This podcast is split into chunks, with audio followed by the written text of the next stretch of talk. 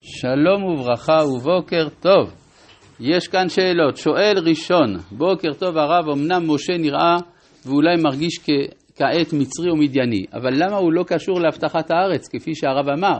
הרי בסופו של דבר גם הוא מזרע יעקב, תודה ובוקר טוב. התשובה היא שבברית בין הבתרים נאמר שכתנאי לירושת הארץ ועבדום, גר יהיה זרעך ועבדום ועינו אותם. עכשיו, עם ישראל היה גם גר וגם עבר עינוי, ולכן יורש את הארץ. הכהנים, על שבט לוי, היה גר, אבל לא עבר עינוי, ולכן נכנס לארץ, אבל לא נאכל אותה. משה לא היה לא גר ולא עבר עינוי, כלומר אפילו גר הוא לא היה כי הוא הרגיש מצרי, לכן אפילו לארץ הוא לא נכנס. שואל שני, מדוע האינסוף נכנס בדיון בנושא שמו מול משה לאורך כל כך הרבה פסוקים? האין בנבואה מפגש בלתי אמצעי הפותר מיד את שאלת השם? תודה. לא, כי שמות של הקדוש ברוך הוא הם משתנים לפי השליחות ולפי הצורך בהם.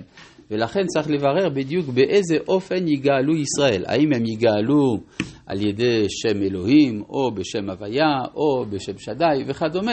כל השמות האלה מורים על מסלול אחר, על תסריט אחר, אם אפשר לומר, של תהליך הגאולה. אה, בפרק ג' עדיין, והגענו לפסוק ט"ז.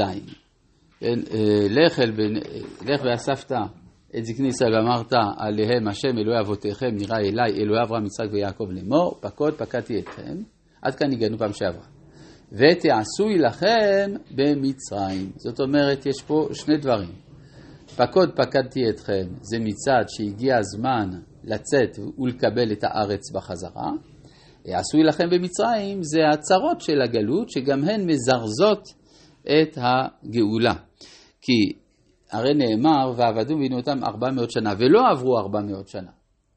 אז כיוון שלא עברו ארבע מאות שנה, אולי לא צריך, אבל כיוון שהשעבוד קשה, אז צריך להקדים. אחד מהדברים שזה אומר, זה שהשעבוד עצמו נחשב להכפלה של הזמן. ולכן יש, ועשוי לכם ממצרים, זה מסביר מדוע צריך לצאת לפני כן.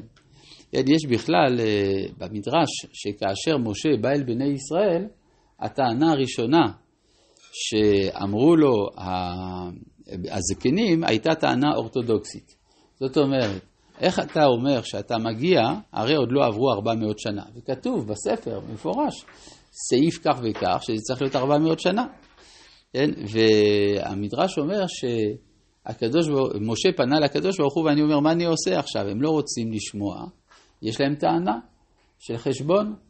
אמר לו, כל דודי, הנה זה בא, מדלג על ההרים, מקפץ על הגבעות, כיוון שאני חפץ בגאולתכם, איני מביט בחשבונותיכם. כן? זה דבר מאוד מעניין, שאם כן, האורתודוקסיה לפעמים מאחרת אחרי הרכבת של תהליך הגאולה.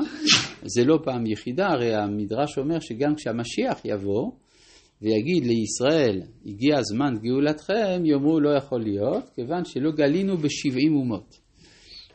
ואז שוב הקדוש ברוך הוא יאמר מדלג על ההרים ומקפץ על הגבעות, והכוונה שכיוון שאחד מכם גלה לקצה העולם והשני לקצה השני, זה כאילו גליתם בכל שבעים האומות. אז גם פה, ותעשוי לכם במצרים להצדיק את ההקדמה של תהליך הגאולה. פסוק י"ז: ואומר העלה אתכם מעוני מצרים אל ארץ הכנעני, והחיטי, והאמורי, והפריזי, והחיבי, והיבוסי, אל ארץ זבת חלב ודבש, ושמעו לקולך. כלומר הם יסכימו. עכשיו שימו לב לביטוי קולך בפסוק י"ח, המילה קולך לפעמים, קול נכתבת עם ו', לפעמים בלי ו'. למשל, הקול, קול יעקב, הקול הראשון זה בלי ו', הקול השני עם ו'. זאת אומרת שיש, ובמעמד הר סיני, כל המקומות שכתוב בהם קול זה עם ו'. מדוע? כל מקום שמדובר על תורה זה עם ו'. כשמדובר על קריאה אלוהית, על קריאה סתמית, אפשר לומר, ללא פירוט של תורה, זה בלי ו'. למשל, אה, אה, בפרשת ניצבים, אנחנו אמנם נגיע לשם, אבל אפשר גם להקדים, נאמר ושבת אל השם עד השם אלוהיך, ושמעת בקולו, בלי ו', ואז ושב השם את שבותיך וקיבצך מכל העמים. כלומר זה הקול הקורא לציון. אחר כתוב, ואתה תשוב ושמעת בקול השם עם ו' ועשית כל מצוותיו. זאת אומרת פה הקול זה הקול הקורא לגאולה, לא הקול של תורה, ושמעו לקולך. ובאת, אתה וזקני ישראל אל מלך מצרים, ואמרתם אליו, השם אלוהי העבריים נקרא עלינו. אז מה זה אלוהי העבריים? אומר רבי יהודה הלוי, העברים היו ידועים. כלומר העברים זה היה אברהם, יצחק ויעקב, ונתפרסם כבר אז בעולם שהשם נגלה עליהם. לכן אם אתה רוצה שפרעה ידע על מה אתה מדבר, תגיד השם אלוהי העבריים נקרא עלינו. עכשיו אפשר להבין עוד נקודה, העברים ידועים במצרים כרועי צאן. כלומר המאפיין של העבריים זה הצאן, זה שהם רועים, לעומת המצריים שעיקר עניינם זה גידול של יבול האדמה, במיוחד הפשתים, הפשתה. ו, אה, ולכן מובן שאלוהי העבריים דורש שיעבדו אותו בקורבנות.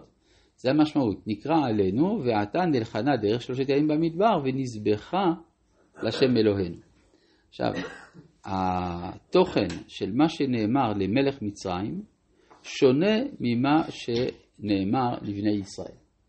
כשמשה מדבר עם בני ישראל, הוא אומר, באתי כדי להוציא אתכם מפה, להביא אתכם אל הארץ. כשהוא מדבר עם פרעה, הוא אומר, יש לנו איזושהי חובה דתית להקריב קורבנות, ולכן אנחנו צריכים לצאת רק לשלושה ימים ונחזור. זאת אומרת שכל הדיבור הזה על עבודת השם בתור המוטיבציה ליציאת מצרים זה התירוץ בפני פרעה, כן? כלומר התוכן הדתי הוא המצדיק את ההיבדלות. כמו כן גם כשאנחנו בגלות ואנחנו אומרים לגויים שאנחנו לא יכולים להשתתף איתם בכל דבר, לאכול איתם, לעבוד איתם וכדומה, אנחנו אף פעם לא אומרים שזה בגלל שאנחנו בני אומה אחרת, כי אז הייתה השאלה של הגויים, אז מה אתם עושים אצלנו? אבל כל זמן שהגלות צריכה להיות, אז אנחנו צריכים להצדיק את הייחודיות שלנו על ידי תירוצים דתיים. אנחנו אומרים, זה מסיבות דתיות שאנחנו לא יכולים לשתות את היין שלכם וכדומה מהדברים האלה. גם פה, הרי ברור שפרעה לא יכול להסכים, או מלך מצרים לא יכול להסכים באופן מיידי שאומה שלמה תצא, שתתמוטט הכלכלה המצרית, ועוד שהם יקימו ממלכה מתחרה על גבול מצרים. זה דבר שלא עולה על הדעת. לכן צריך להגיד דבר הגיוני, אפילו כשהקדוש ברוך הוא השולח. אז זה אומר, השם אלוהי העבריים נקרא עלינו, ועתה נלחנה דרך שלושת ימים במדבר ונזבחה לשם אלוהינו. שלושת ימים דיברנו על זה בלימוד ספר בראשית, ששלושת הימים תמיד מציין את ההבדל, את ההפרש בין ישראל לעמים. שבא לידי ביטוי בין היתר בעובדה שאדם שעשה ברית מילה, אסור לו לצאת לדרך במשך שלושה ימים. זאת אומרת, העולם מתקדם ונוצר פיגור, הפרש, בין הקצב של ההתקדמות של האנושות לבין קצב ההתקדמות של עם ישראל. ההפרש הזה הוא שלושה ימים. אז שלושה ימים זה ההפרש בין ישראל לעמים. ואני ידעתי כי לא ייתן אתכם מלך מצרים להלוך ולא ביד חזקה, כלומר אם לא ביד חזקה. ושלחתי את ידי והכיתי את מצרים בכל נפלאותיי אשר אעשה בקרבו ואחרי כן ישלח אתכם. זה המכות. והשאלה היא מה הסיבה של המכות אז פה המכות מופיעות בגלל שמלך מצרים מתעקש. אנחנו נראה בהמשך שיש עוד סיבות למכות, אבל זה אחת מהן. ונתתי, ולמה פה לא מובאת הסיבה השנייה, שאנחנו נראה אותה בפרשת וארא?